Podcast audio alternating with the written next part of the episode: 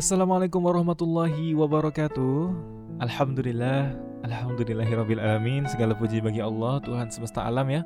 Akhirnya podcast abang yang pertama jadi juga Setelah sekian lama merencanakannya. Waduh ini ternyata Buat podcast itu nggak semudah yang Abang pikirkan pertama ya.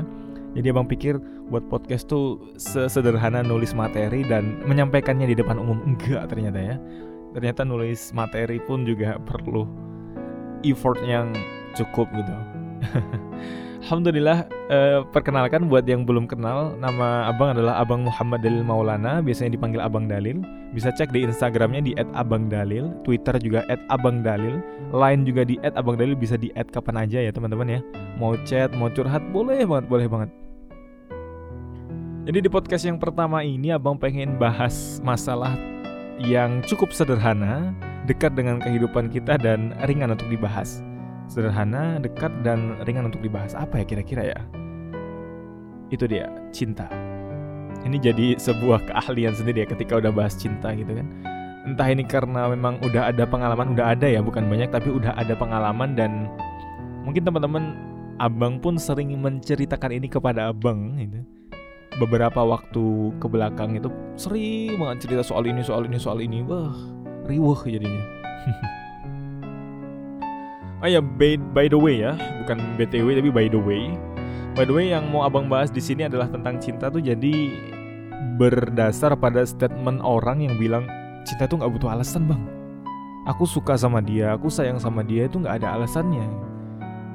Itu menurut abang pribadi adalah sebuah statement yang salah karena nggak mungkin orang bisa jatuh cinta melakukan sebuah aktivitas yang disebut dengan jatuh cinta itu tanpa alasan gitu.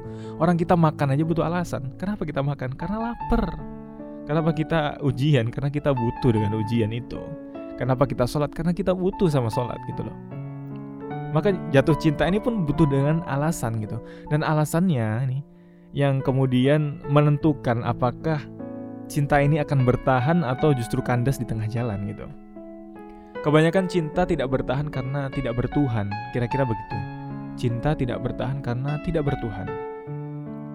Teman-teman, kalau ngomongin soal cinta itu banyak banget, luas. Karena kalau udah ngomongin soal cinta tuh nggak ada habisnya. Definisinya aja bisa berubah. Kalau abang pribadi bilang cinta itu adalah sesuatu yang relatif dia bisa jadi sebuah kebahagiaan ketika orang yang kamu tanya tentang definisi cinta itu adalah orang yang sedang kasmaran.